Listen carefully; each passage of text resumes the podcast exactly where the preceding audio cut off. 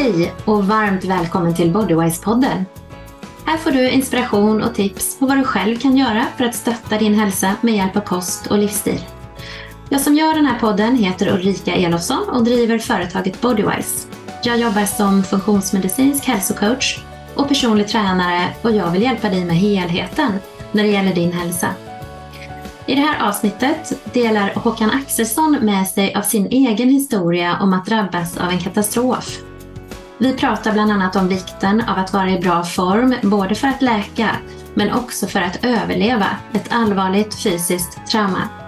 Vi kommer in på hur det är att tappa kontrollen och våga lita helt på andra, varför det är viktigt att jobba med mål och delmål samt hur acceptans behövs för att kunna ta sig vidare. Det här är ett avsnitt som handlar om att allt är möjligt.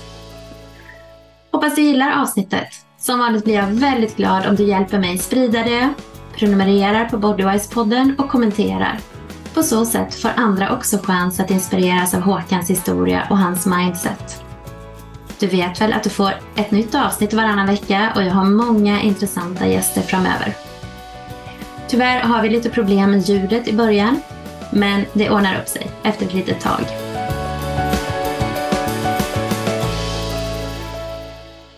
Hej och varmt välkommen till Bodywise-podden Håkan. Tackar. Tusen tack för att du ville vara med. Idag ska vi få ta del av din egen historia. Du är ju brandman och du har alltid tränat mycket. Träningen har varit en naturlig del av din vardag och ditt intresse. Men du har ju i sviterna efter en olycka för flera år sedan varit tvungen att amputera ditt ena ben. Och du har även drabbats av en ögonsjukdom som gör att du idag i stort sett är blind. Men trots detta så har du gjort flera löplopp på bra tider dessutom. Du har även gjort triathlons, du har tävlat i Paralympics och världskuppen, du har kört Vasaloppet flera gånger och även Nattvasan och du har cyklat 250 mil på tandemcykel genom Europa. Alltså helt otroliga bedrifter som jag tror att många med fullt fungerande ben och syn inte skulle få för sig att genomföra. Så imponerande och inspirerande. Ja, jo då, det, det har blivit en del. och det var ju därför jag ville prata med dig idag. För du menar ju att det mesta är möjligt. Och du pratar om hur träningen har hjälpt dig i din läkningsprocess. Både fysiskt men även mentalt. Och det här ska vi prata mycket mer om idag. Men ja, mm, jag tänkte att du kan väl börja med att berätta lite om dig själv och din bakgrund. Eh, nej, men jag är uppväxt som sagt var 66 år, fyrbarnsfar, pensionerad brandman idag. Eh, jag är uppväxt i en familj med, med en hel del idrott egentligen. Min pappa var ju en idrottsman och min syster har varit elitidrottare på orientering och eh, ja, konditionsidrott har präglat mig genom livet kan man säga med lite orientering, skidor, så småningom rodd. Och sen när jag kom till, till brandkåren som brandman så var det mycket brandkårsidrott och det var allt möjligt. Terränglöpning, triathlon, banlöpning, cykel, skidor, allting egentligen. Så att, eh, idrotten har väl präglat mig och framförallt då konditionssidan. Då. Sen hade man lite svackor på 90-talet när man byggde hus och fick barn och alltihopa. Så att det, det blev perioder då när man inte tränade lika mycket eller kanske vissa delar inte alls. Men då känner man skillnaden i när man är vältränad och icke vältränad. Egentligen. Så att, eh, och det har väl hjälpt mig mycket i, i den här resan jag har gjort egentligen. Men eh, vad var det som hände den här dagen då för flera år sedan när du var ute och skulle spåra skidspår? Du kan väl berätta lite mer? Ja, det är så. Jag är ju skidintresserad som sagt och skidor hela mitt liv så att jag jobbade på Borås skidstadion där och eh, vi hade fått ett nytt verktyg och det är ju en bakdelen på en pistmaskin då, som man hänger bakom en traktor och jag var ju med som eh, biträde kan man säga. Jag var inte maskinist utan eh, men jag gjorde väl det felet man inte får göra. Man får inte gå in mellan maskinen och eh, traktorn och eh, själva fräsen då i det här fallet. Men det var det jag gjorde så att eh, jag, eh, mitt ben sögs med in i den här fräsvalsen då och lindades ett varv runt valsen då så jag hade mina, mina tår mot mitt knä och min fotsula mot mig när jag tittade upp. Oj, så att maskinen var på och den här valsen gick runt på något sätt då? Nej, maskinen var avstängd. Det är ju sådär naturlig. Traktorföraren som var med var ju en, van, en riktigt van bonde. Och det de gör alltid, de stänger alltid av kraftuttaget när de eh, stannar traktorn på reflex. Så den var ju avstängd men den snurrade fortfarande på eftervarvet. Mm. Hade, den, hade, hade den varit igång så hade jag ju, du har ju bara åkt rakt igenom egentligen och fräst ungefär som blankis. Då har det blivit bara blivit köttfärs egentligen. Så att den var ju avstängd men den orkade ju dra med benet ett varv kan man säga. Oj, ja, det är helt otroligt. Så att när du Alltså förstod du vad som hände eller vad... Ja, berätta. Ja. Vad kände du? Nej, jag, jag slogs ner på rygg direkt, givetvis, i, i backen. Det, och när jag tittade upp så såg jag ju det här foten emot mig. Då. Den första liksom, tanken jag hade var ju att benet var avslitet jäms med knät ungefär. Jag såg ju inte det, för jag hade ju ganska mycket kläder på mig. Detta var ju på vintern, då, 29 december, så det var ju vinter så jag hade ju rejäla byxor på mig så jag såg inte hur det såg ut. Men eh, min första tanke var ju att det var avslitet jäms med knät. Mm, för ditt underben låg ju då alltså böjt åt helt fel håll om man säger så. Ja, mitt underben var lindat i ett varv kan man säga runt den här valsen då. Som kanske är 20 centimeter i diameter. Mm. Ah. Och vad tuppade du av eller vad hände då? Och vad, vad gjorde han som körde den här traktorn då? Nej, jag gjorde ju inte det. Utan att, eh, och det är ju just den här eh, kroppens förmåga att smärtlindra är ju fantastisk. För att det gjorde inte ont på det sättet att man eh, hade det gjort ont på, på hade alla, alla smärtsignalerna gått fram till hjärnan så att man avlidit tror jag. Men det, det, det gjorde inte ont utan att jag förstod ju vad som hade hänt så jag ropade på traktorföraren och han eh, kom ju ut och han chockades eh, helt och hållet för han sa du måste ringa ambulans eller eh, efter hjälp. Så han tog väl upp sin telefon och, och, skulle slå numret men i och med att han chockades då så fick han ju liksom ingen ordning på numret och vad är det för nummer? Så jag fick ju tala om att det är 112 när efter alla år man har jobbat som brandman och lärt sig hur man ska, eller utbildat människor i hur man agerar när man ska ringa till 112 så förstod ju jag när han, när han kom fram att det här fattar de ingenting av för att han, han skrek väl ungefär att han har fastnat, han har fastnat, att skicka ambulans. Och vad det mm. var och vad som hade hänt, det var, hade ju inte de en aning om då. Han var så chockad så, så att han, eh, han, han kunde inte tänka klart helt enkelt. Nej, det kunde han inte precis. Så att, eh, och jag förstod ju det när jag låg där, för jag var ganska så, jag var klar egentligen. Och så jag fick ju ta hans telefon och så fick jag prata med SOS istället, eller 112 då. Att eh, förklara läget lite grann, att jag sitter fast och jag behöver de slåss av räddningstjänsten och det behöver söva mig med en läkare och ambulans alltihopa. Så att, eh, och var vi befann oss då framförallt. Och vi var ju inte, vi var ju på Borås skidstadion med Brämhult så vi var ju inte långt från lasarett, lasarettet. Så det var ju ganska nära egentligen.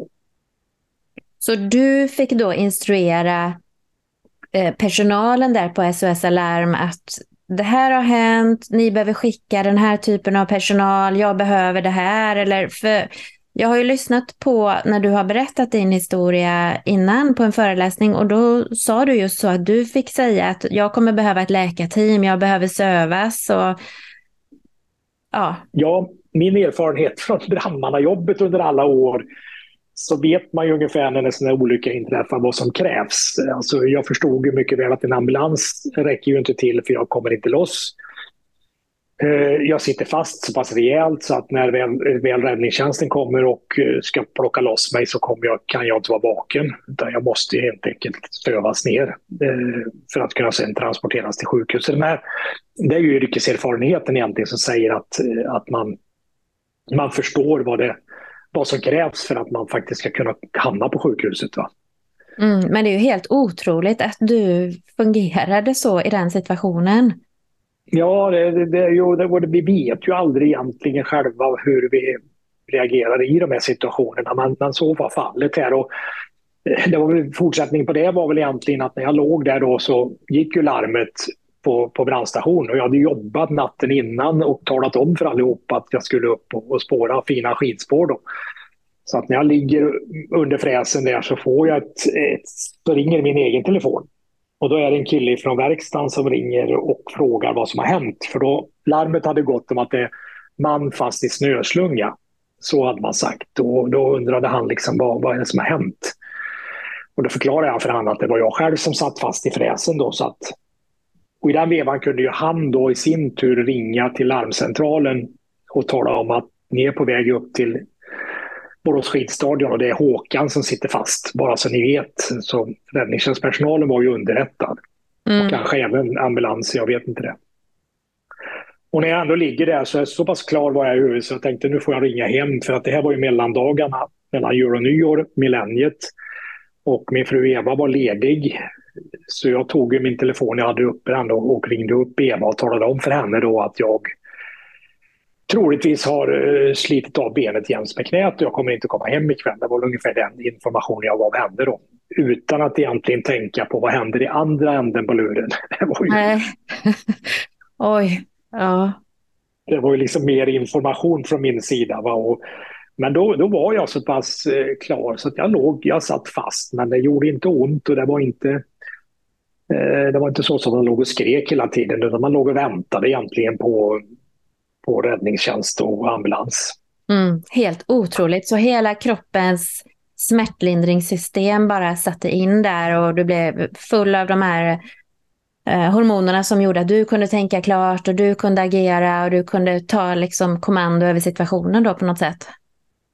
Ja, precis. Det är ju, jag förstår mycket väl att eh, med de skador som var så hade smärt, alla smärtsignalerna från eh, nerverna i benet gått upp till hjärnan så hade det ju varit en helt annan. Men eh, på något vis så finns det väl så har vi de här endorfiner och morfinliknande grejerna i kroppen som, som på en sekund eller en halv sekund eller en tiondel sekund eh, träder, träder in egentligen och, och bryter det här mm. eh, smärtsignalerna. Då. Mm. Och sen så um, kom de då och hur fick de loss dig? Alltså var det då du var tvungen att kapa benet eller berätta hur, hur gick det till?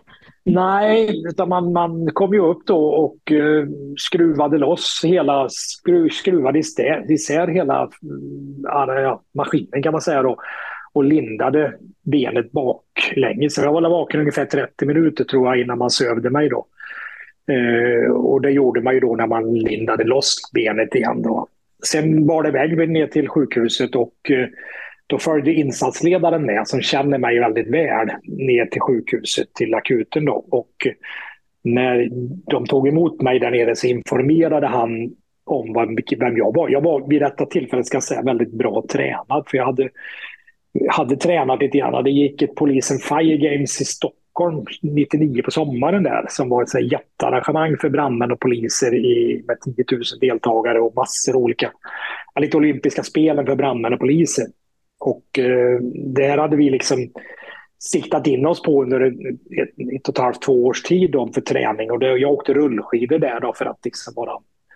Och då var ju träningen mycket inriktad på att vara i bra form till det. Och sen fortsatte ju hösten med att jag läste eh, befälsutbildningen uppe i Skövde vilket gjorde att jag var inte hemma utan att eh, det var skola på dagarna och träning på kvällarna. Va? Så jag var ju väldigt bra tränad. Och det här informerade då insatsledaren, läkarlaget som kom ner om att den här killen är 43 år, väldigt bra fysisk form. Och då beslutar man att vi gör ett försök. Så man gjorde ett försök att behålla benet då. Mm. Mm. Man kallade in kirurger och, och allt det här expertisen som fanns då, kärlkirurger och allting för att eh, snickra ihop benet. Då. Mm, så man bedömde tack vare din goda fysiska form att du kunde eventuellt klara av det här. Men det hade du inte varit i den fysiska form du var i. Hade man eh, tagit ett annat beslut då menar du? Eller? Ja, det är jag övertygad om. att Hade, man, eh, hade jag kommit in som 43-åring överviktig rökare, eh, inte alls den fysiska formen, så hade man nog inte gått den vägen. Utan då hade det varit amputation på en gång egentligen. Mm, mm. Så man bedömde att din kropp hade en bättre läkningsförmåga då? Ja, precis. Alltså förutsättningar för att överleva kan man säga nästan i det här fallet eh, krävde en god fysik och en, en, bra en kropp som, som kunde stå emot den här påfrestningen egentligen.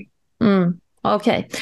Så då opererades du, man eh, försökte snickra ihop benet och eh, vad hände sen då? Nej, sen, sen började ju själva rehabilitering kan man säga. Eller ja, det, det var ju, I början var det ju givetvis överleva som gällde. Man får ju alltid basiller i eh, såren när man skavar sig ute. Det finns ju naturligt på kroppen. Och man har liksom inte tvättat sig utan det, det finns ju skit. Så det blev ju en infektion i, i alla såren. Men, men, eh, och den här maskinen kanske inte var så ren heller? Nej, det var den ju inte. Utan bakterier finns ju liksom i, i, i den miljön. Så det var väl ganska naturligt att man skulle få en infektion. Va? Men efter odlingar och allt det här så hittade man väl då vilken typ av penicillin man skulle sätta in då för att mota den här infektionen.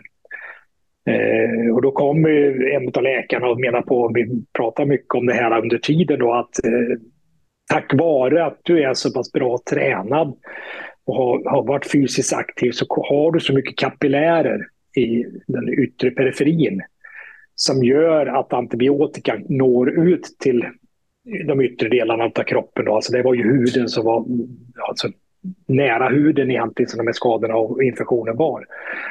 Så då finns det en jättestor chans att penicillinet vinner kampen över bakterierna egentligen. Då. Eh, hade man inte haft det så kanske man inte hade lyckats med det helt enkelt. Mm. För du låg ju med, det var ju stora öppna sår, eller hur? Länge? Ja, jag hade ju öppna sår i, i åtta månader egentligen, nästan nio månader. Men det var ju stora öppna sår i början då. Benet var ju sönderhackat och vristen var ju sönderfräst.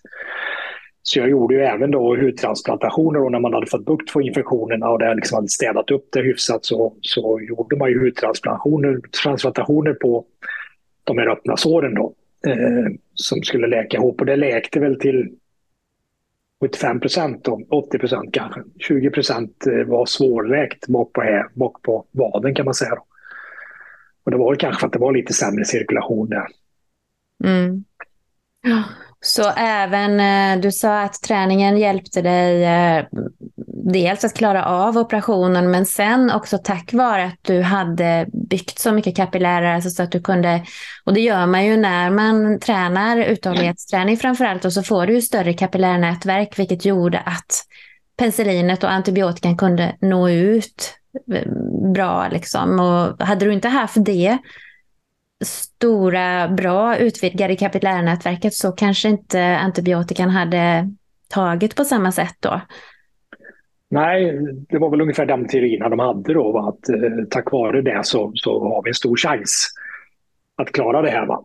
Mm. Det var ju ovisst, det var ju ovisst väldigt länge egentligen. Och sen, sen ser man det här med, med, med konditionen egentligen. Då, för att min vilopuls kanske i det här läget var runt 45 innan olyckan. Då. Men under de första två veckorna när man hade infektionen i kroppen, då låg vilopulsen mellan 85 och 95 hela tiden. Eh, trots att jag låg knappt på rygg och inte gjorde någonting. Va? Så det är klart att det innebär ju att kroppen ligger och jobbar eh, rent fysiskt. Eh, för att klara av den här eh, tuffa traumat man har råkat ut för. Då, och, eh, då har man konditionen så att man klarar av den påfrestningen har man inte det så, så kanske man hamnar på en puls på 120-130 istället. Ja, så det blir en enorm påfrestning för hjärtat. Ja, precis. Och det är väl ungefär, alltså rent fysiskt är man väl ute och småjoggar dygnet runt kan man säga. Med, ja. den, med den pulsnivå man ligger på. Då. Ja. Okej. Okay. Och där har ju också konditionen väldigt stor betydelse, att man faktiskt reder ut det. Va? Ja. Precis. Men du, du sa att du hade öppna sår, typ åtta månader. Låg du på sjukhus så här länge då? Eller vad hände med din rehabilitering sen efter den här skadan? Nej, jag låg väl på, på sjukhus i två, tre månader kan man säga att jag låg inlagd då. Eh, första sex, åtta veckorna var jag inte hem någon gång då, utan det, det kom ju efter de sex, åtta veckor så kom man, fick man hem första gången. Då. Sen fick man lite permissioner.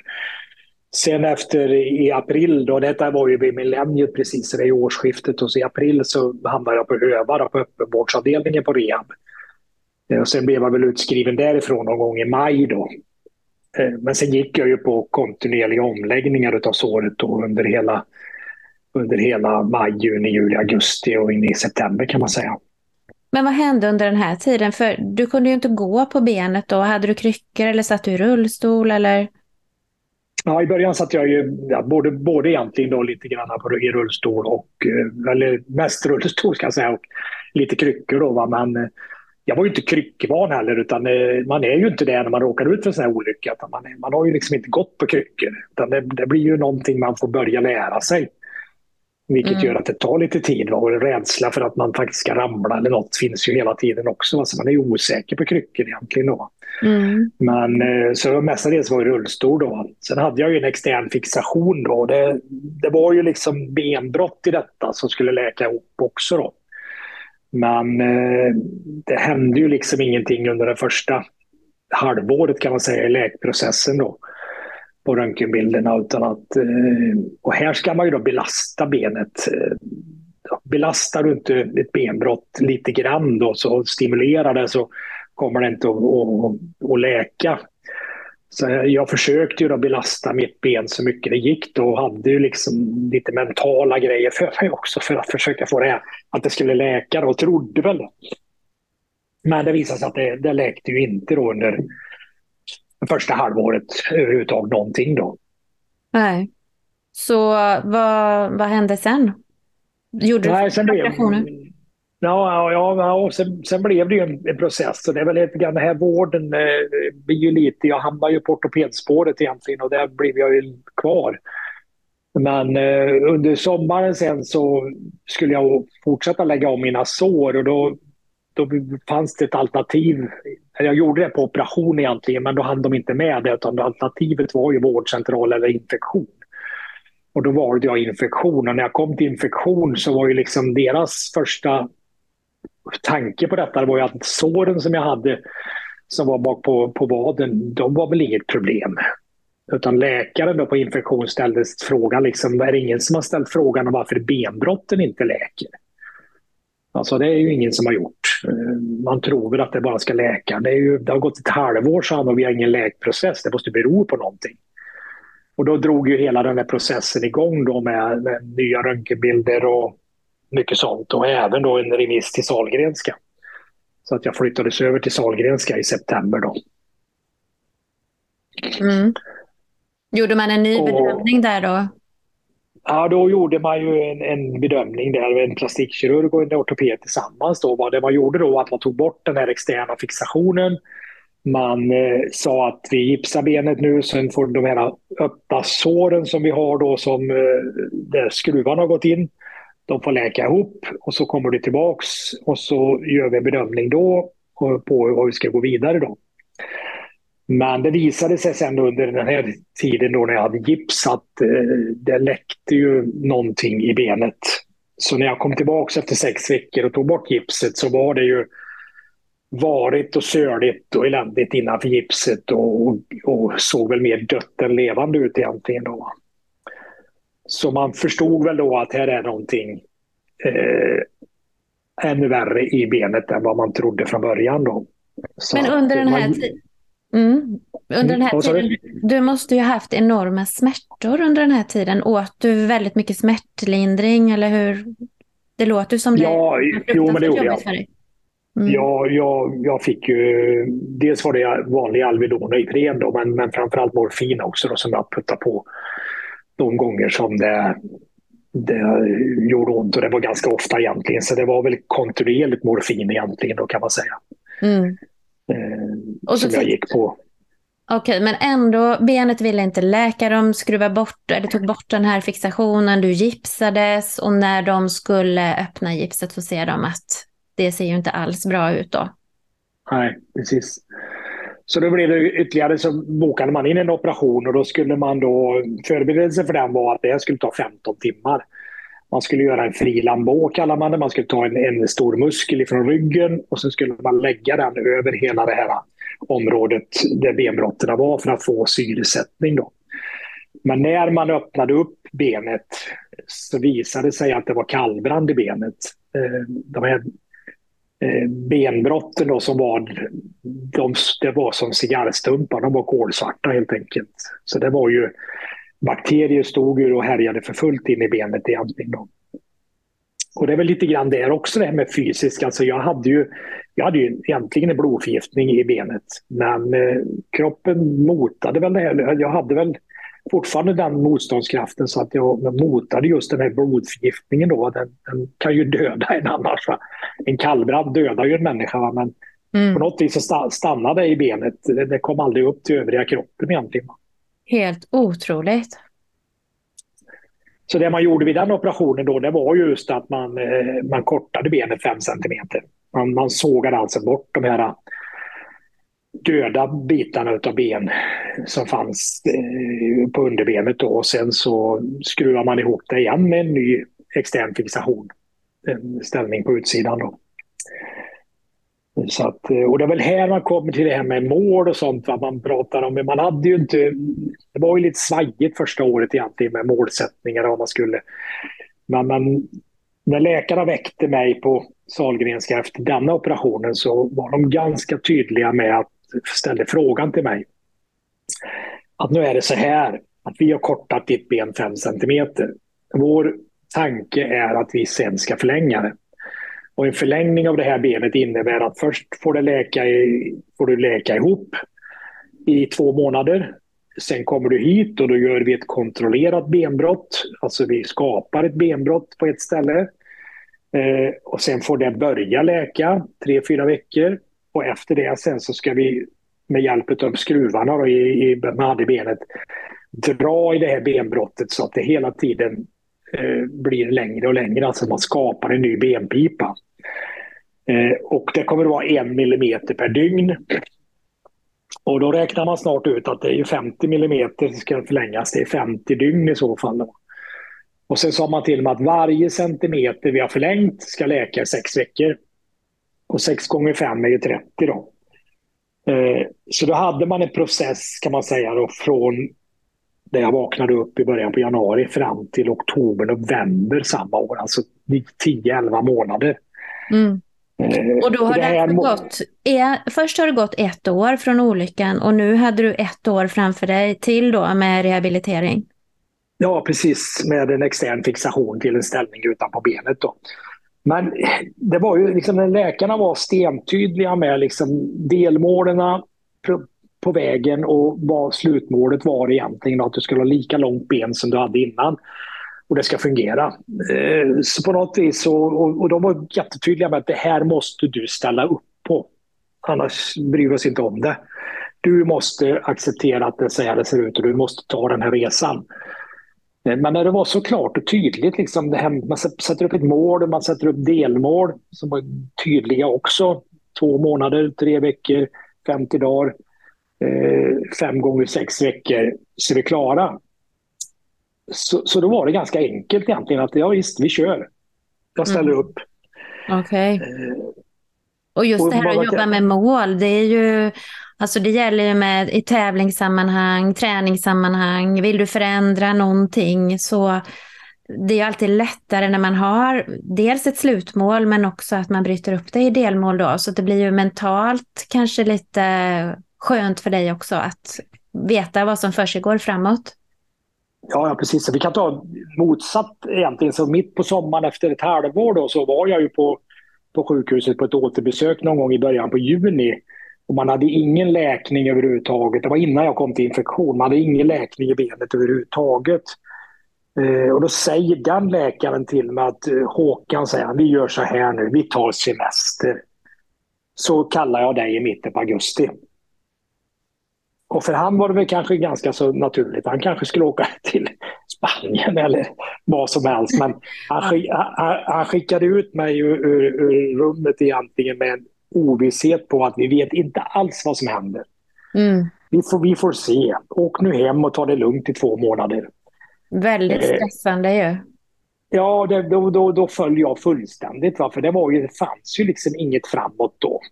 Mm. Jämför då med det här läkarna sa på Sahlgrenska att det är så här det ser ut. Du har tio månader framför dig. Köper du det? Vi vet vad vi vill. Och då köper man det. De mm. andra två, två månaderna på sommaren var ju alltså, jag åkte ju hem och la mig och rörde mig inte på en vecka. Eh, på grund av att det fanns liksom ingenting att göra.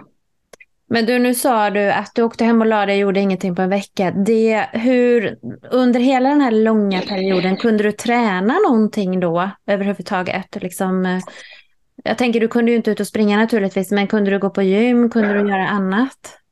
Ja, det kunde jag ju. Jag, överkroppen var ju frisk trots allt. Va? Sen eh, lärde jag mig under resans gång att hoppa på kryckor. Eh, man, man vande sig helt enkelt, så jag kunde ju gå flera kilometer på kryckor egentligen.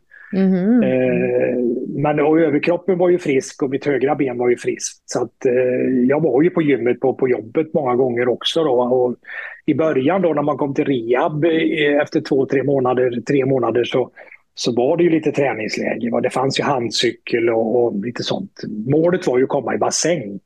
Men det tog ju lång tid innan jag hamnade där. Eh, så att, eh, men så gott det gick. Alltså konditionsträning var kanske inte riktigt, men jag vet jag var på rehab då.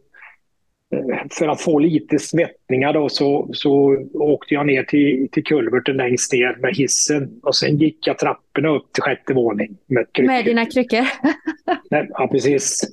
Och sen, tog, sen tog, tog, jag hissen ner igen då, och så gick jag upp igen och då fick man åtminstone lite svett i pannan och bli lite andfådd. Uh, Annars är det ju svårt och, man försökte ju köra styrketräning och sådana grejer och sen blev det ju mycket i och med att jag gick med kryckorna och vande mig vid det. Mm. Uh, jag tror det är många som skulle dra sig för att gå sex trappor upp men du, du gjorde det då med kryckor, helt otroligt. Men du, ja, precis. Då när du hade fått kontakten där på Salgrenska och de hade den här planen för dig så det gick ju inte hela vägen egentligen. Berätta lite vad som hände. Nej, det gjorde Vi gav upp efter 35 millimeter ungefär. Eh, då, då beslutar man för att vi, vi, vi nöjer oss där. Eh, vi tar de sista en och en halv centimeterna med en klack istället. Alltså bygger upp skor så att man får lika långa ben. Eh, Eh, så att vi avslutade lite tidigare och sen skulle ju läkprocessen dra igång. Då, men det gick inte. Alltså det, det, det blev ingen bra läkning. Eh, och det var väl kontentan, alltså slutsatsen på det var väl så småningom att man förstod att det, det, har stått kvar bakterier i benet. Även fast man rensade väldigt mycket. Vilket gjorde att läkprocessen blev lite sämre.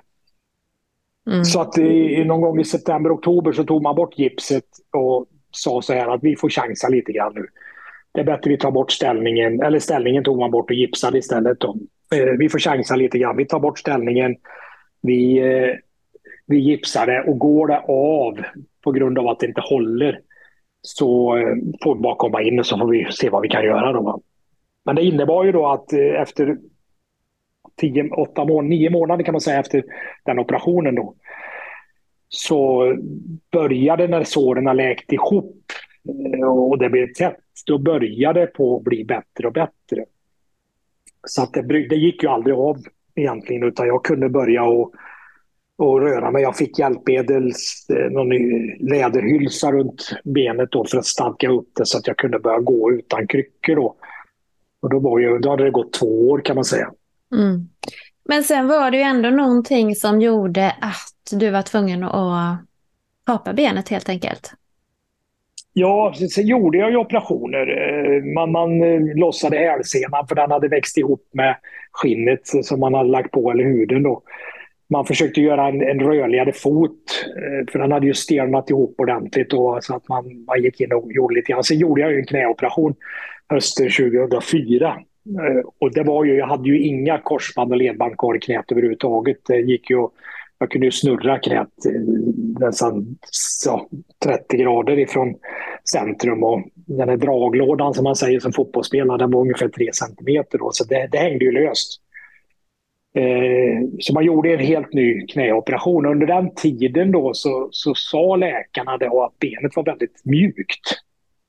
Eh, och det innebar ju egentligen att det stod fortfarande bakterier inne i benet. Och efter den operationen då så då spred man ju bakterien över hela kroppen. Så då hade jag ju sänka på 400-500 under en vecka egentligen. När, när jag fick, då fick jag blodförgiftning i hela kroppen egentligen.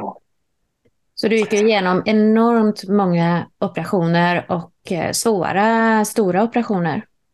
Ja, precis.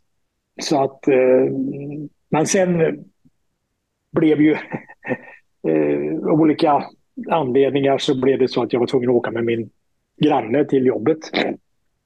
Och en, en dag i mars så halkade jag på en isfläck utanför henne och satte mig ner och då bröt jag av benet igen. Och kan säga efter den, det benbrottet blev det aldrig riktigt bra. Så att eh, någon gång i, i, i början på juni 2005 så var jag tillbaks på Östra sjukhuset där jag gjort knäoperationen då, och då hade min fot fått en felställning. Och då menar läkarna på att det enda vi kan göra nu, eller det vi kan göra, det är att vi skulle kunna steroperera foten. Så att du får en, eh, och då går man in och, och korrigerar benbitarna och riktar upp foten på 90 grader och sen skruvar man ihop det. Och sen sa han att sen ska det här läka då. Det är som ett benbrott sa han, sen skulle det läka då. Det här är alltså fem år efter att du råkade ut för olyckan. Så under fem års tid har du hållit på med massa operationer, smärtlindring, olika saker då? Ja, precis.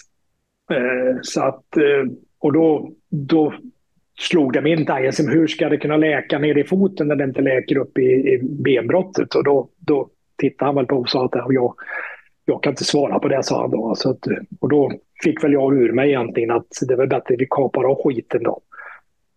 Och då tittade han på mig och sa att ja, jag tror faktiskt att du skulle fungera bättre då, sa han. Och det var ju en, liksom en vändpunkt då. Jag hade ju inte tänkt de tankarna egentligen innan dess, utan jag har ju levt på hoppet på det här benet och allt egentligen då. Men eh, då vände ju hela min...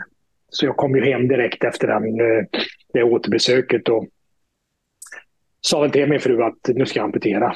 Och kontaktade min läkare på Sahlgrenska då, som kallade in mig. Eller han, sa, han ringde nästan direkt och undrade vad har hänt. Sa.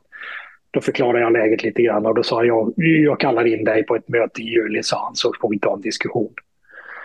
Så då startade den processen. Man kan säga att processen blev ju också det att jag googlade, undersökte, var på ortopedtekniska, besökte dem. Alltså researchade väldigt mycket på det här med proteser, amputation, hur funkar det?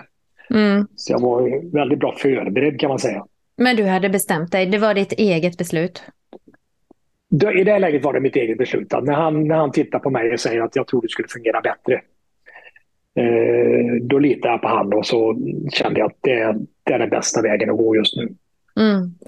Men alltså, nu har ju du pratat om den här enorma fysiska påfrestningen som det innebar för dig. Men det måste ju också varit en enorm mental och psykisk påfrestning. Dels stress, påfrestning, men också liksom hela ditt liv ställdes ju på sin spets kan man säga. Alltså din, du måste ha gått igenom en kris som yrkesman, eh, person, alltså benet borta eller ja, halvt invalidiserad. Alltså vad hände i dig själv, i dina tankar och så? Nej, jag var ju utbildad elektriker och innan jag började som brandman så jobbade jag som elektriker. Och en av de stora liksom, fördelarna när jag fick jobbet som brandman var att jag var elektriker. Så att eh, el och, och skruva vägguttag och sätta upp lampor och sånt, det var ju en del av mitt jobb på brandstation och även lite grann privat då. Eh, levde väldigt mycket på min fysik vad det gällde brandmannajobbet. Och det är klart när man hamnar då i det här läget så inser man ju ganska snabbt att eh, ska jag någonsin kunna klättra på stegar igen, krypa på golv igen, Eh, ska jag någonsin kunna gå in i en brand eh, och kunna släcka bränder, eh, klättra på stegar där. Jag insåg ju ganska snabbt att det här är ju över. Jag var 43 år. Vad ska jag göra nu? Det var ju ungefär den frågan man ställde sig när man låg. Och det är klart att det här var psykiskt väldigt påfrestande. Jag hade fortfarande kvar hoppet om att bli brandman igen. Men rent realistiskt så kände man väl att det kanske inte var så troligt som det såg ut just då.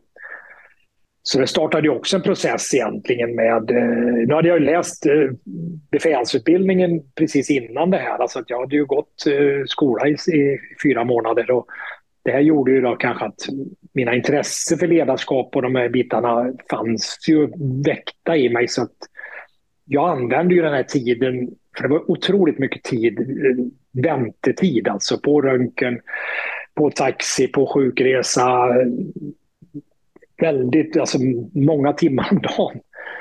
Eh, och då såg jag till att jag hade min ryggsäck med några böcker vad det gällde ledarskap, psykologi, stresshantering, konflikt, alltså allt sånt som hade med det att göra. Va?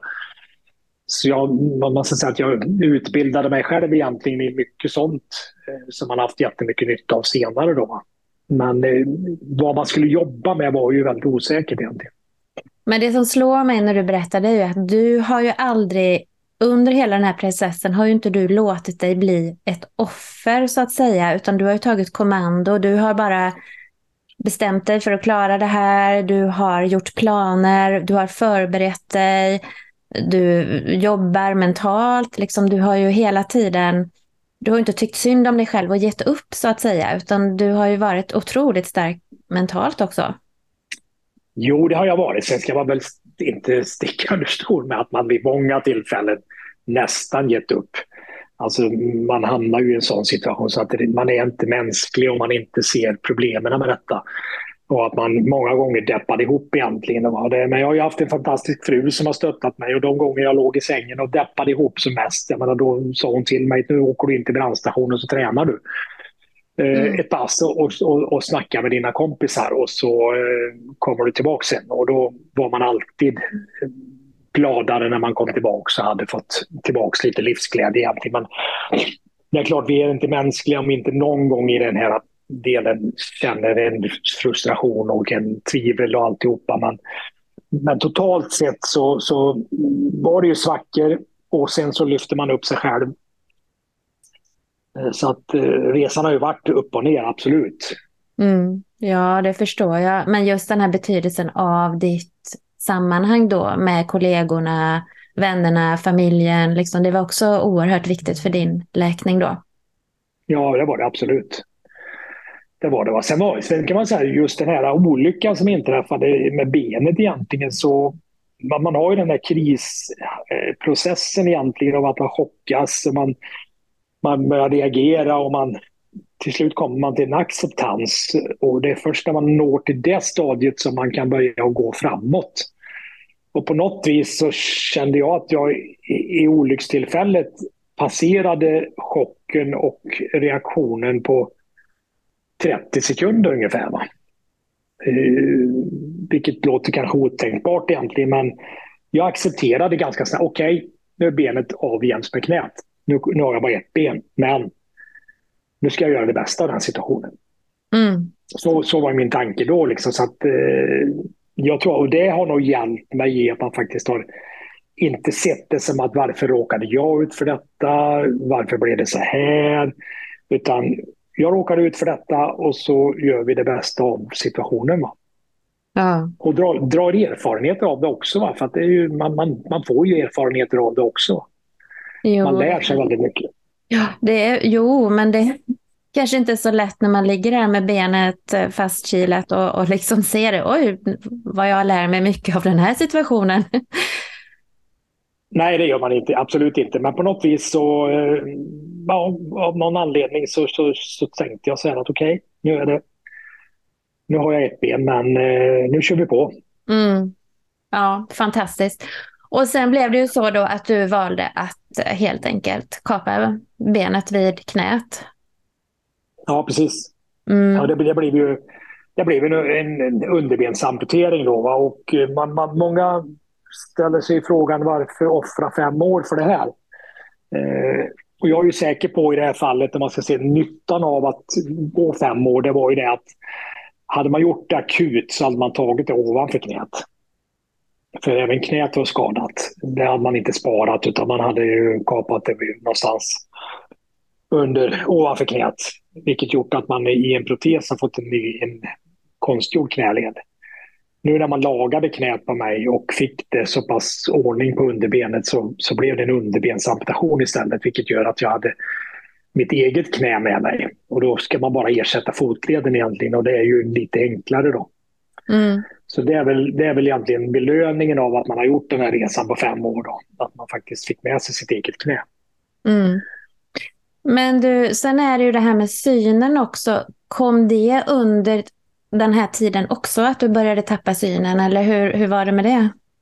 Ja, det kom ju så. Men egentligen så var väl första gången som jag fick eh, signaler på att min syn inte var bra, det var ju 1985, så då var jag ju bara 27 år gammal. Va? Ehm, men sen gick jag 10 år på sjukhuset på ögonkliniken och gjorde undersökningar. De menar på att det här är någonting som du har levt med hela livet. Eh, det är ärftligt, eller det är något födelsemärke eller något i den stilen, vilket gör att eh, vi släpper dig nu. Och det var ju 95 då.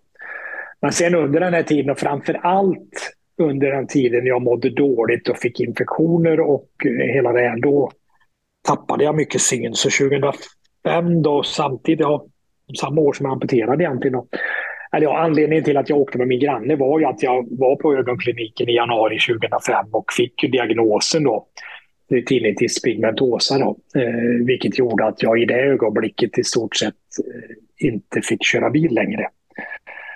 Eh, bilen hade ju varit mitt fortskaffningsmedel i och med att jag hade mm, inte kunde gå så långa sträckor. Så att eh, det blev ju ett slag ordentligt då. Sen har det ju försämrats successivt, då, men det är ju en, en sjukdom som gradvis försämrar synen då, och sista stadiet i det är ju blind. Mm. Där många hamnar egentligen då. Mm. Så hur mycket ser du idag? jag ser kanske 3 till 5 procent någonting, lite beroende på väderläge och ljusförhållanden och sånt. I de sämsta situationerna ser jag ingenting. Och i de bästa situationerna kanske jag ser 5, 5 procent kanske. Mm. Ja, Ungefär. otroligt.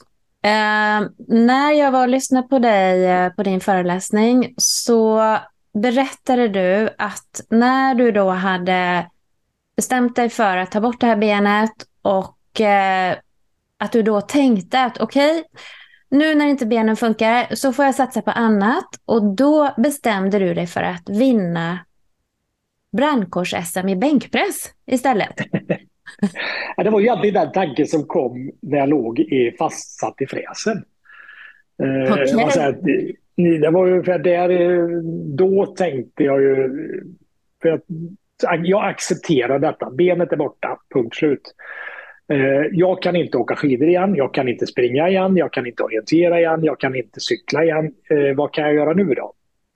Och då, då, då, då låg jag där liksom när jag låg och väntade på ambulansen kan man säga då, så tänkte jag att jag ska fasen med vinna brandkårs-SM i bänkpress. För jag är ju, jag är ju oskadad från höften och uppåt. Va? Där är jag ju okej. Okay, Så det var väl och det var ungefär där som, som något sånt tokigt mål egentligen eh, fick någon slags minus. Nu blev det aldrig så. Det blev aldrig något, något brandkårs-SM i bänkpress eller något i den stilen. Men, okay. det var så där, och, och, det är väl ett tecken på att jag accepterar det. Va? Att jag släpper det andra så gör vi det här istället. Va? Mm. Fantastiskt. Ja. Att, eh, Men du, då tog du bort eh, benet, du fick protes och du fick börja din rehabilitering och samtidigt så tappade du synen mer och mer. Sen fick du för dig då att du skulle börja springa lopp, eh, i stort sett blind och med en protes, köra triathlons och allting. Hur, hur fick du för dig det här nu då? Jag kan säga jag har ju haft lite sådana mål på vägen egentligen. Va? Och det, eh, just att göra den här eh, årliga testet på räddningstjänsten, alltså att man går på ett rullband med 25 kilo på ryggen i sex minuter i viss lutning och hastighet. Det är sånt som alla brandmän måste göra årligen för att vara godkända. Och det var ju ett mål jag satte upp redan från början, att det ska jag klara igen. Och det gjorde jag ju 2003, tror jag det var, innan amputationen. Då. Eh, men sen har jag även haft, haft det med jag ska, jag springa har ju varit min grej då och efter eller när jag nu bestämde mig för amputation så eh, hade jag just researchat väldigt mycket på, på, på både internet och på ortopedtekniska och lite sånt och visste ju det att här finns ju möjligheter att springa. Det är ju andra som gör med protes. Eh, och då kan man säga, vi hade ju en, en läkare som hade haft ända sedan 2000, ja, 2000 egentligen på Sahlgrenska. Då som jag hade bra kontakt med och, och vi connectade bra. Så jag sa till han då innan amputationen att eh, nu gör du ett jädra bra jobb, sa jag, för jag ska springa Göteborgsvarvet en gång till. ja. Och jag tror att han hade med sig det när han gick in på operationssalen och gjorde min amputation för att eh, jag har en väldigt fin stump. Eh, alltså runda fina kanter på det ben som är kvar. Eh, en del har man sett under den, den tiden jag har umgåtts med många som har amputerat att man får vassa kanter. Man kapar bara rätt av egentligen och sen syr man ihop alltihopa. Och då har du vassa kanter inne i benet, eller på benet då, som så småningom när du pressar och, och nöter och, och går gör ont och påfrestar huden. Då. När du sätter på din protes då? Ja, precis. precis. Så att jag, jag fick en väldigt fin stump egentligen kan man säga. Och, det tror jag var, och sen var ju målet då att börja så småningom kanske då att, att kunna börja motionera igen med löpning och allt detta. Då. Så att, men jag kan säga att eh, man pratar om det här med rehabilitering och hur man, hur man eh, känner att det är en resa som man känns omöjlig så kändes den väl även omöjlig för mig första gången jag fick med mig protesen hem. Va? Jag vet, vi var uppe i Falun på skidtävling. Och jag gick ju några hundra meter där uppe med min protes då. Och min tanke var ju liksom när man stod där att hur ska jag någonsin kunna gå en kilometer igen? För det gjorde ont och det påfrestade och det var, det var svårt. Eh, och där hamnar ju de flesta innan vi börjar rehabilitera. Hur ska jag någonsin kunna röra mig igen efter en knäoperation eller en höftledsoperation eller vad det nu kan tänkas vara. Men, men det är ju resa man gör med, vi pratar mål egentligen då också med olika faser i detta där man kan gå 100 meter, 300 meter, en kilometer, tre kilometer. Sen kan man springa kanske då. Det, det, och det tar sin tid. Mm. Och det gjorde det för mig också då. Att jag, jag först fick jag börja gå på protesen. Eh, så efter, jag tror att det var, amputerade 2005, så 2007 tror jag, då sprang jag Varbergsloppet med en vanlig protes egentligen som jag hade fått ihop då. Eh, på en mil då. Eh, och det var ju första liksom, löpningen då kan man säga då. Mm. Och, sen... och det visade att det gick då. ja, precis. Och sen har det blivit fler lopps, lopp efter det då? Ja, och sen, sen blev det ju mycket annan idrott också för att eh, jag gick ju på ortopedtekniska med mina proteser och det. Och där uppe fanns det en tjej som läste på, på häls hälsohögskolan eh, nere i Jönköping då, som gjorde sin praktik. Och hennes examensarbete var ju att se hur amputerade står när de står och, och stakar på rullskidor. Eftersom jag var skidåkare då så var det naturligt att hon frågade mig, vill du vara med? Så vi var väl några stycken amputerade som fick komma upp till Stockholm till GH och göra ett test på detta. Stå på ett rullband och staka på rullskidor. Och så gjorde man mätningar på hur man belastade höger och vänsterben och så vidare. Eh, och där började ju egentligen då också en, en slags eh, resa kan man säga eftersom hon pratade med folk som pratade med folk som fick reda på att jag fanns skidåkare. Så jag fick en inbjudan till ett läger uppe i Åkersjön i Jämtland då i 2007 på våren tror jag det var där. Och det var ju också sådär lite grann, ska man åka dit eller inte? Jag hade ingen riktig koll på detta. Men eh, jag åkte upp i varje fall och var med en, en långhelg där egentligen. Och eh, det resulterade ju sen att jag kom på ytterligare läger och att jag fick frågan om jag ville åka på någon världscuptävling. Och det, det slutade ju med till slut att jag, vi, vi beslutade oss för på våren kan man säga, då, jag och familjen kan man säga, då, att jag skulle satsa på Paralympics för 2010 i längdskidåkning. Då. Ja, fantastiskt. Och då blir det fokus på det. Va? Och det är ju, då satte man upp det som mål, kan man säga. Eh, och det var ju också ett sätt då att eh, komma överens med familjen att jag vill satsa på detta, ställer ni upp? De blev ju också drabbade eller påfrestade på detta för att då var det ju Tar man två år så är det 700 dagar. 65 gånger två. Som det handlar om att man ska offra då eller lägga ner tiden under den tiden fram till dess. Och 700 dagar, ja det låter ju mycket men det är inte så mycket egentligen när man satsar på någon sån här grej. Utan det var ju det att nu, nu kommer inte jag att följa med på några större fester jag kommer inte att eh, vara uppe länge på kvällarna. Jag kommer inte att eh, offra en semester på att inte kunna träna. Utan nu är det dag för dag framåt i 700 dagar fram till till Paralympics. Då. Och eh, de gick med på det. Eh, mm. De sa att vi ställer, vi ställer upp på dig. Eh, mm. Vi, vi vet vad som gäller. Mm. Ja, vad fint. Och vilken otrolig mental inställning du har. Det är helt otroligt alltså. Så att, eh, och då, då, det är ju också det här med målen där, att det är ju, sätter man upp sådana här mål eh, och vill åstadkomma någonting, oavsett vad det är i livet, så, så handlar det om en kompromiss. Jag kan inte göra allt och ändå lyckas med mitt mål. Eh, och det här, vi, hade, vi var ju i Skagen nu här, vi hade en diskussion om det här med bucket Man säger, vad är det man vill göra i livet? Eh, och vad än man väljer det som är lite mer kittlande, lite mer utmanande, så innebär det faktiskt att någonting annat får stå, till, stå åt sidan. Mm. Eh, vill du cykla Vättern på under tio timmar så kan du inte göra det utan att eh, faktiskt ägna dig åt träning. Eh, du måste ha en resa dit till målet. Du måste ha en plan. Annars kommer du aldrig lyckas. Mm. Vill du bli lä läkare så, så vet du att du har ett antal år i, i skolbänken och du måste offra tid för det. Mm. Det är lite så livet är egentligen. Va? Vi, vi får inte allt vi önskar. Va? Nej, precis. Och eh, prioriteringar, vad är viktigt för mig? Det är ju olika saker som är viktigt för olika personer, men eh, ehm, det här är viktigt för mig. Vad behöver jag offra eller göra för att nå mina mål? Ja, precis. Det, det, det är en prioritering som sagt. Och det, det är det man måste inse när man sätter upp lite lite mer kittlande mål. Kan säga. Ja. Att om jag skulle åka Kortvasan på Vasaloppet till exempel så vet jag att det gör jag egentligen utan att offra någonting. Jag, jag åker dit upp och jag kan ställa mig på skidorna jag kan åka dit. Va?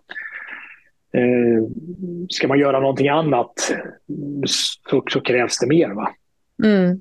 För du har ju också sprungit då de här loppen loppen. Du har ju sprungit Göteborgsvarvet, du har gjort flera triathlons och du springer ju snabbt. Jag vet ju, du skulle göra något triathlons, triathlon uppe på Körn och då behövde du ha ledsagare eftersom du ju inte ser och då springer ju den här personen före dig och guidar dig hur du ska springa så att säga. Men då hittar de ju ingen som, som var tillräckligt snabb och kunde springa med dig i det här triathlonloppet. Så eh, det handlar ju dels din fysiska förmåga men också mentalt, att våga. Du ser ingenting, du måste lita på en annan människa. Och, ja, det blir ju helt nya sinnen du får utveckla och så också. Ja, det är det ju som sagt. Det är ju, nu hittade man ledsagare, men det, det handlar ju om, om biten till det här att eh, och det är ju ett sätt att lära mig. Jag har ju en tandem som vi cyklade från, genom Europa med. Då. Och då sitter jag bak. Eh, och jag vet att eh, jag har haft andra som har provat att sitta bak med någon annan och eh, får panik då för att man, har, man tappar kontrollen. Styret sitter fast, du kan inte göra någonting. Va? Men det är, väl, det är väl där man måste lära sig att lita på den man har med sig. Jag kan inte göra någonting nu utan jag litar fullt på den som sitter och som chaufför. Mm. Och, det, och det är väl där man, eh, och även i löpning då, att man får, man får ha någon som dels kan mig, men dels också då som jag kan lita på och veta att det här sker. Det är en trygg och säker person. Va? Mm. Så att... Eh, och, och, och sen, sen händer det ju grejer när man springer så här för att det, alla ser ju inte, alla hör inte och alla vet inte. Eh, nu är ju ett triathlon ganska så spritt med deltagare. Det, det hinner ju sprida sig till löpningen för det är den sista grenen. Då är det inte så tätt. Men springer man Göteborgsvarvet med, med allt folk runt omkring sig så kan, händer det ju incidenter kontinuerligt med att man blir påsprungen eller man springer på någon eller något i den stilen. Och det, då, då, får man ju de här se dig för, för ser du inte eller hur. Och det Ja. Men, men här är det ju viktigt att ha markering, att, att, det står att man är synskadad så att man får förståelse för det. Va? Mm, nej, för det är ju supertrångt för oss som ser och försöker hålla sitt eget tempo när man springer det loppet. Och att dessutom då att du ska hålla koll på din ledsagare framför dig och inte tappa bort den här personen. Och, ja, det måste vara oerhört. Ja, precis. Och det blir det. det, det blir ju vid några tillfällen. Jag, han, han, har ju, han har ju en väst på sig så att jag följer ju västen egentligen. Då. Men det, det händer ju några gånger på Göteborgsvarvet att det blir för långt avstånd mellan honom och mig. Och då hinner det slinka in en annan löpare emellan oss. Va? Och då, det enda jag kunde göra var att bara tvärstanna egentligen och ropa till. Så fick vi, fick vi stanna helt enkelt. Så fick han vända om och hämta upp mig igen. Då, för jag vågar inte springa vidare när jag inte har full koll på honom. Då. Eh, och det händer ju vid ett par tillfällen i och med att man släpper några luckor på en 3-4 meter kanske då så blir det tillfälle tillräckligt för att någon annan löpare ska gå in emellan där. Mm. Och, då, och då, då, då, då, är jag ju direkt otrygg och liksom vet, då tappar jag bort mig. Så det är bara att tvärstanna egentligen och, och starta om alltihopa. Mm. Precis. Men, men det är ju när det är mycket folk då. Ja, men du, sen har du åkt Vasaloppet då. Det kan jag ju på sätt och vis förstå. Men Nattvasan, hur löser du det ja. i totalt mörker? Det måste ju vara som att åka helt blind för då kan du ju inte se din... Uh, har du någon person framför dig då med eller? Ja, det har jag. Absolut. Det, jag är ju nattblind så att jag ser ju ingenting i, i, på natten. Men en, en liten fördel egentligen med det för att man... För, nackdelen är att se lite. Och det har ju drabbat mig många gånger. Jag ser lite, väldigt lite. Eh, men hjärnan är ju skapt så att den skapar ju en bild. Den bygger en bild. Lite av erfarenhet vad den har sett tidigare. Alltså hjärnan, jag, jag, jag, har ju inte, jag ser ju som genom ett sugrör. Men det innebär ju inte att, jag, att, att min hjärna skapar den här sugrörsbilden utan min hjärna skapar ju en hel bild. Och då kan ju den bygga fel bild. Ibland händer det ju att man man kommer och går och, och, tror att man ser en dörr. Man tror att man ska gå in där och så går man rätt in i väggen. Va? För då har hjärnan byggt någonting av erfarenhet. Så fördelen med nattvasan var att då var det, då var det becksvart. Alltså hjärnan hade ingenting att, att fantisera om. Och sen mm. hade jag en, en pannlampa på mig som lyste in i hans reflexväst. Okay. Så det var, ju, det var ju reflexvästen jag såg. Det är ju den jag följer. Mm och ser ja. ingenting annat kan man säga. Nej, fantastiska prestationer och eh, ja, väldigt inspirerande att höra. Allting är möjligt, bara man vill och eh, ja, man kanske bara får tänka om. Och jag vet att du sa också det här när du först fick din vita käpp då så ja. sa du att du skämdes. Du tyckte det var jobbigt. Och, men sen att du även där övervann det och kom liksom till acceptans där då. Ja, det var ju... Jag, yrkeslivet, man säger, det gick lite grann från, från lite utbildningar med systematiskt brandskyddsarbete eh, och brand, brandutbildningar och så vidare. Men det, det slutade med där också att det funkar inte riktigt. Eh, sen fick jag lite, ett jobb på kommunen i ett år för att jobba lite grann med idrottsanläggningar vad det gällde systematiskt brandskydd och så vidare. Eh, och då åker jag i buss till jobbet. Då hade jag inte färdtjänst. Då åker jag i buss.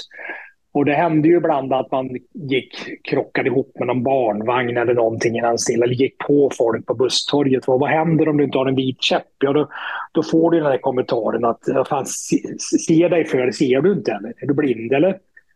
Mm. Eh, för man ser, det syns ju inte på mig. va? Nej. Så det tog ett tag där, men när jag... Och det var ju, jag tyckte det var skämmigt med... Alltså, protesen bar jag med stolthet. Va? Jag har aldrig haft någon kosmetika och jag dras inte för att gå med kortbyxor eller någonting sånt. Utan jag, jag bär min protes med stolthet. Va? Men jag, jag skämdes för min vita käpp kan man säga. Men mm. så småningom inser jag ju att det är ju faktiskt den som kan rädda mig i situationer. Jag kan ju fortfarande gå på en barnvagn. Men ser de min vita käpp så ber de om ursäkt istället. Eh, istället för att skälla på mig. Då. Så att, och det är ju de här tillfällena när man hamnar i den situationen, det är då man faller psykiskt. När man får en, en ser du inte, är du blind eller? Ja, det är då man säckar ihop kan man säga. Det är då man sätter sig i ett hörn och gråter. Va? Mm. Eh, då är det bättre med den vita käppen. Jag behöver den egentligen inte direkt så för att eh, leta mig fram. Eh, kanske lite grann trottoarkanter, trappor och så vidare och, och, lite husväggar och det. Men, men det är ju en markering. Mm. Vilket gör att människor visar respekt och eh, visar hänsyn och hjälper till framförallt också. Då. Mm. Så du har kommit till acceptans med det också? Ja, det har jag gjort. Jag är väldigt osäker om jag kommer ut på stan någonstans och jag inser att jag inte har käppen med mig. Mm. Då blir jag nervös istället. Alltså, har jag käppen så är det min trygghet kan man säga i att gå och röra mig på stan. Då. Mm. Eller ute bland folk. Vi ska snart avrunda här Håkan, men jag tänkte bara... Finns det någonting som du... Eller vad skulle du säga att du har fått med dig av den här erfarenheten? Alltså, jag antar att du har lärt dig massor. Skulle du till och med säga att det här har öppnat nya dörrar kanske för dig rent av? Ja, det är jag övertygad om att eh, det jag har fått uppleva efter min amputation egentligen rent eh, som människa, det har jag ju aldrig fått gjort i övrigt. Va? Eh, jag har ju varit runt i världen nu tack vare att jag har hållit på med handikappidrotten. Då, va? Det är ju... Sen tror jag, eh, jag läste ju otroligt mycket under första fem åren kan man säga då. Eh, och det är ju trots allt eh, ett sätt att förkovra sig, antingen lära sig hur både hjärnan fungerar och hur kroppen fungerar. Och, eh, så att jag, jag, erfarenhetsmässigt så, och det är väl så att råkar vi ut för saker eh, så lär vi oss av det. Man kan säga så här, när tsunamin var bort i Thailand så ska jag säga så här, rent krasst, jag är avundsjuk att jag inte var där och fick uppleva det och överleva. För det är ju någonting du får med dig som en erfarenhet. Eh, att, att uppleva en sån här katastrof egentligen då. Men du har ju haft din egen katastrof som du har upp, överlevt kan man säga. Ja, precis. Det är väl det, det, det, det man har egentligen. Man har, man har gått igenom en katastrof och man har, man har fått... Jag har ju varit med hela resan. Det är ju liksom det som är skillnaden mot många andra. Att man, Mm, i och med att jag har varit på varenda omläggning, jag har varit på varenda operation, jag har varit på varenda läkarbesök. Eh, jag har varit på varenda inställning av protes och så vidare. Så att på så vis har man varit med 100 procent eh, och lär sig otroligt mycket på, på resan egentligen. Då. Och man blir väl ödmjuk också. Va? Och man blir, eh, vi, vi, vi kommer inte, någon av oss egentligen, att segla genom livet på en räkmacka. Och jag tror att skulle vi göra det så är vi inte de lyckligaste. Jag tror att man, man, blir, man, måste, man måste ha ont för att känna att smärta inte finns. Man måste ha tråkigt för att kunna ha roligt. Mm. Jag tror att man måste, man måste ha den biten också. Va? Ja. För att uppskatta det andra. Va? Precis, ja, det är ju en del av livet. Sen eh, är det ju inte alla som behöver gå igenom det här tuffa som du har gått igenom då. Men jag ville bara fråga dig också, hur är det idag? Är du smärtfri idag eller har du ont? Nej, jag, jag har ont eh, och eh, jag kan säga sista veckorna här nu så har jag ju, jag åkte på covid faktiskt, jag hade feber ett par dagar för några veckor sedan och blev liggande, eh, ja då blir man ju liggande i sängen helt enkelt. Och då, då startar de här fantomsmärtorna. Va? Så att jag tror att en stor del av att jag kan hålla borta mina fantomsmärtor är att träna och vara aktiv. Eh, och, och liksom ha den naturliga smärtlindringen i, i sig själv egentligen. Sen kommer alltid det här när man lägger sig på kvällen och eh, slappnar av. Då, då drar de här fantomsmärtorna igång. Va? Men då var det faktiskt lite halvkris. För det var som elstötar genom hela benet när man la sig och skulle försöka sova. Va? Eh, somnar jag väl somnar in så är det borta. Men fram tills dess att man somnar så har det varit... Men det har blivit mycket bättre då. Det finns ju mediciner mot detta också men det är ju, alla mediciner har ju biverkningar. Mm. Så träningen är egentligen din medicin kan man säga? Det är min medicin, ja precis. Och det är att, att vara aktiv och få träna och få de här endorfinerna och mor egna morfinerna i kroppen egentligen som är naturliga. Då. Mm. Så det har ju som, hjälpt som... dig hela vägen kan man säga. Från det att du låg under den här harven då tills att du, ja, hur du lever idag, liksom att du kan stå ut med smärta? Ja, precis. Jag, har, jag har, känner av det hela tiden. Va? Sen är det mer eller mindre. Va? Men är det mer då så kan det vara tufft. Va? Men mm. annars är det ju ett sätt att eh, att acceptera det också egentligen och veta att det, det ingår i livet. Va? Mm. Du, att, äh, alltså allt det du berättar om här nu, din mentala inställning och allting. Jag tänker, det finns ju kanske någon som lyssnar på det här som, som är i någon liknande situation som du varit i, att man råkat ut för något trauma eller att man kanske har någon närstående som råkat ut för något. Finns det någonting som du skulle vilja säga till dem eller skicka med till de personerna? Ja, det, jag tror att framför allt så är det väl eh, hur man har det socialt. Tror jag. Alltså, har du en trygg familj, du har vänner och bekanta, du har ett jobb. Alltså, jag hade ju ändå ett jobb hela tiden. Jag, jag, jag fick inte sparken. Vilket gör att man, eh, man känner en tillhörighet. Va?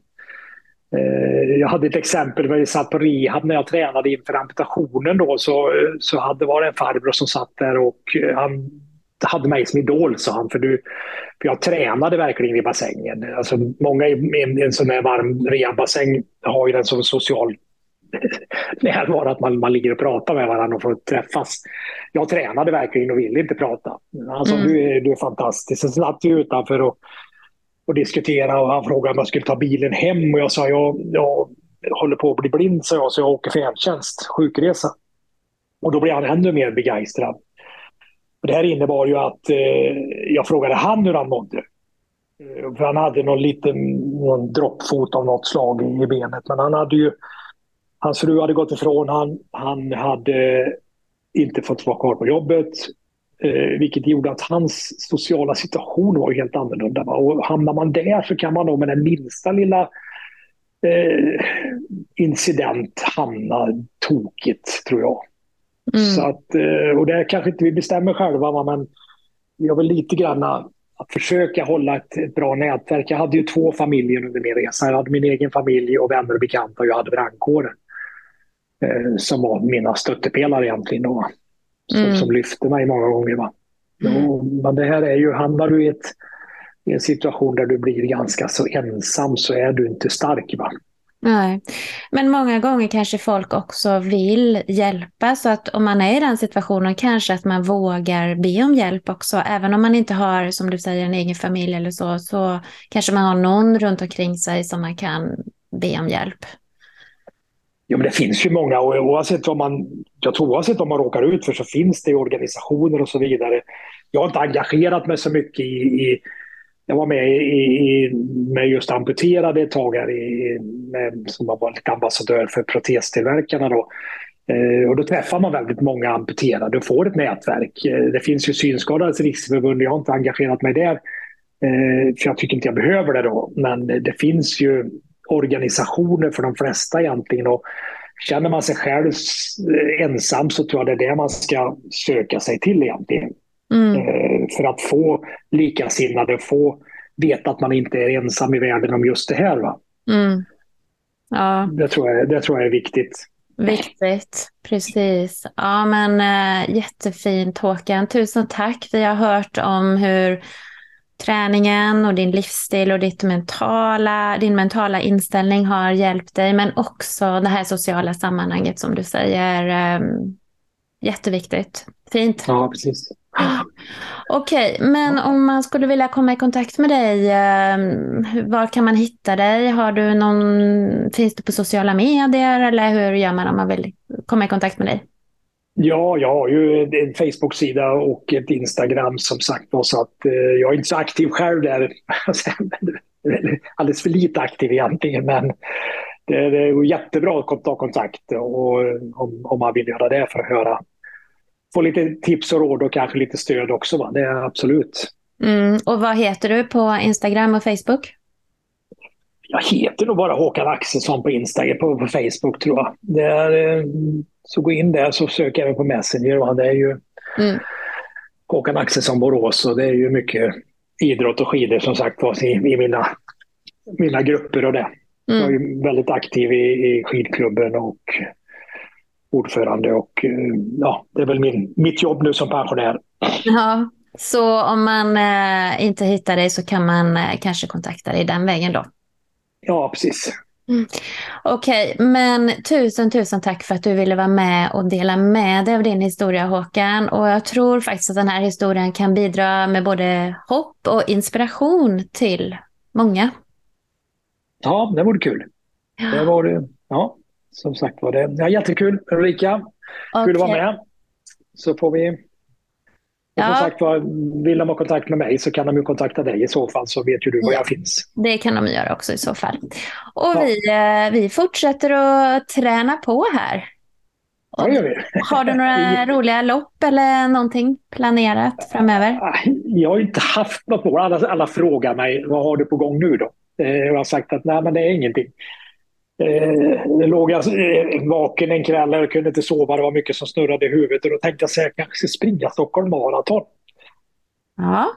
Jag har inte sprungit på många år. För jag har inte ägnat mig åt det. Jag har cyklat väldigt mycket. Eh, men eh, så kom den här, jag kanske bara springa lite igen. Jag vet inte, jag har inte riktigt eh, fastställt målet än, men kanske om två år att det kan bli ett Stockholm Marathon. Då, för jag har inte gjort något maraton. Jag gjorde ett maraton 1986 någonting när jag var helt felfri i övrigt, om man säger så. Eh, okay. Sen dess har jag inte sprungit någon maraton och det, då är det lite kittlande mål. Jag gör inte det utan att träna. Jag gör inte det utan att anstränga mig ordentligt. Jag måste springa. Jag måste springa kanske ett halvmara först. Jag måste se till så att jag håller i 42 kilometer. Mm. Det är ju, och då kräver det en hel del. Och det är väl det som jag känner att jag kanske skulle kunna ha som ett mål. Att, mm. eh, då måste jag göra en plan igen. Säg ja. två år framåt. Eh, vad behöver jag åstadkomma under två år? Ja, Börja försiktigt. Jag började lite på gymmet nu men då får jag springa en kvart i sänder. Ja. Eh, jag sprang en kvart häromdagen och då får jag träningsverk. Så att en kvart räcker. Sen får det bli 20 minuter, 25, 30, 45 och så vidare. Långsiktigt. Mm. Sakta försiktigt, annars så funkar det inte. Spännande. Men då, då, nu har ju du sagt det här så nu får du... jag sagt det. Ja, jag får. Alla kommer ju leta efter dig i resultatlistorna här nu 2025 då. ja, precis. precis. Okay. Nej, men, ja. Eh, tusen tack Håkan och eh, sköt om dig. Ja, detsamma. Tack så mycket. Hej då. Hej. Du har lyssnat på Bodywise-podden med mig, Ulrika Elofsson. Dagens gäst var pensionerade brandmannen Håkan Axelsson som delade med sig av sin historia från katastrof till läkning. Tusen tack för att du har lyssnat. Hoppas du uppskattar avsnittet. Vill du höra fler intervjuer som denna, kom ihåg att prenumerera på Bodywise-podden i Spotify eller Podcaster eller via min hemsida bodywise.se. Där kan du också läsa mer om mig och mina tjänster, boka rådgivning och kontakta mig. Ha en fin dag så hörs vi snart igen.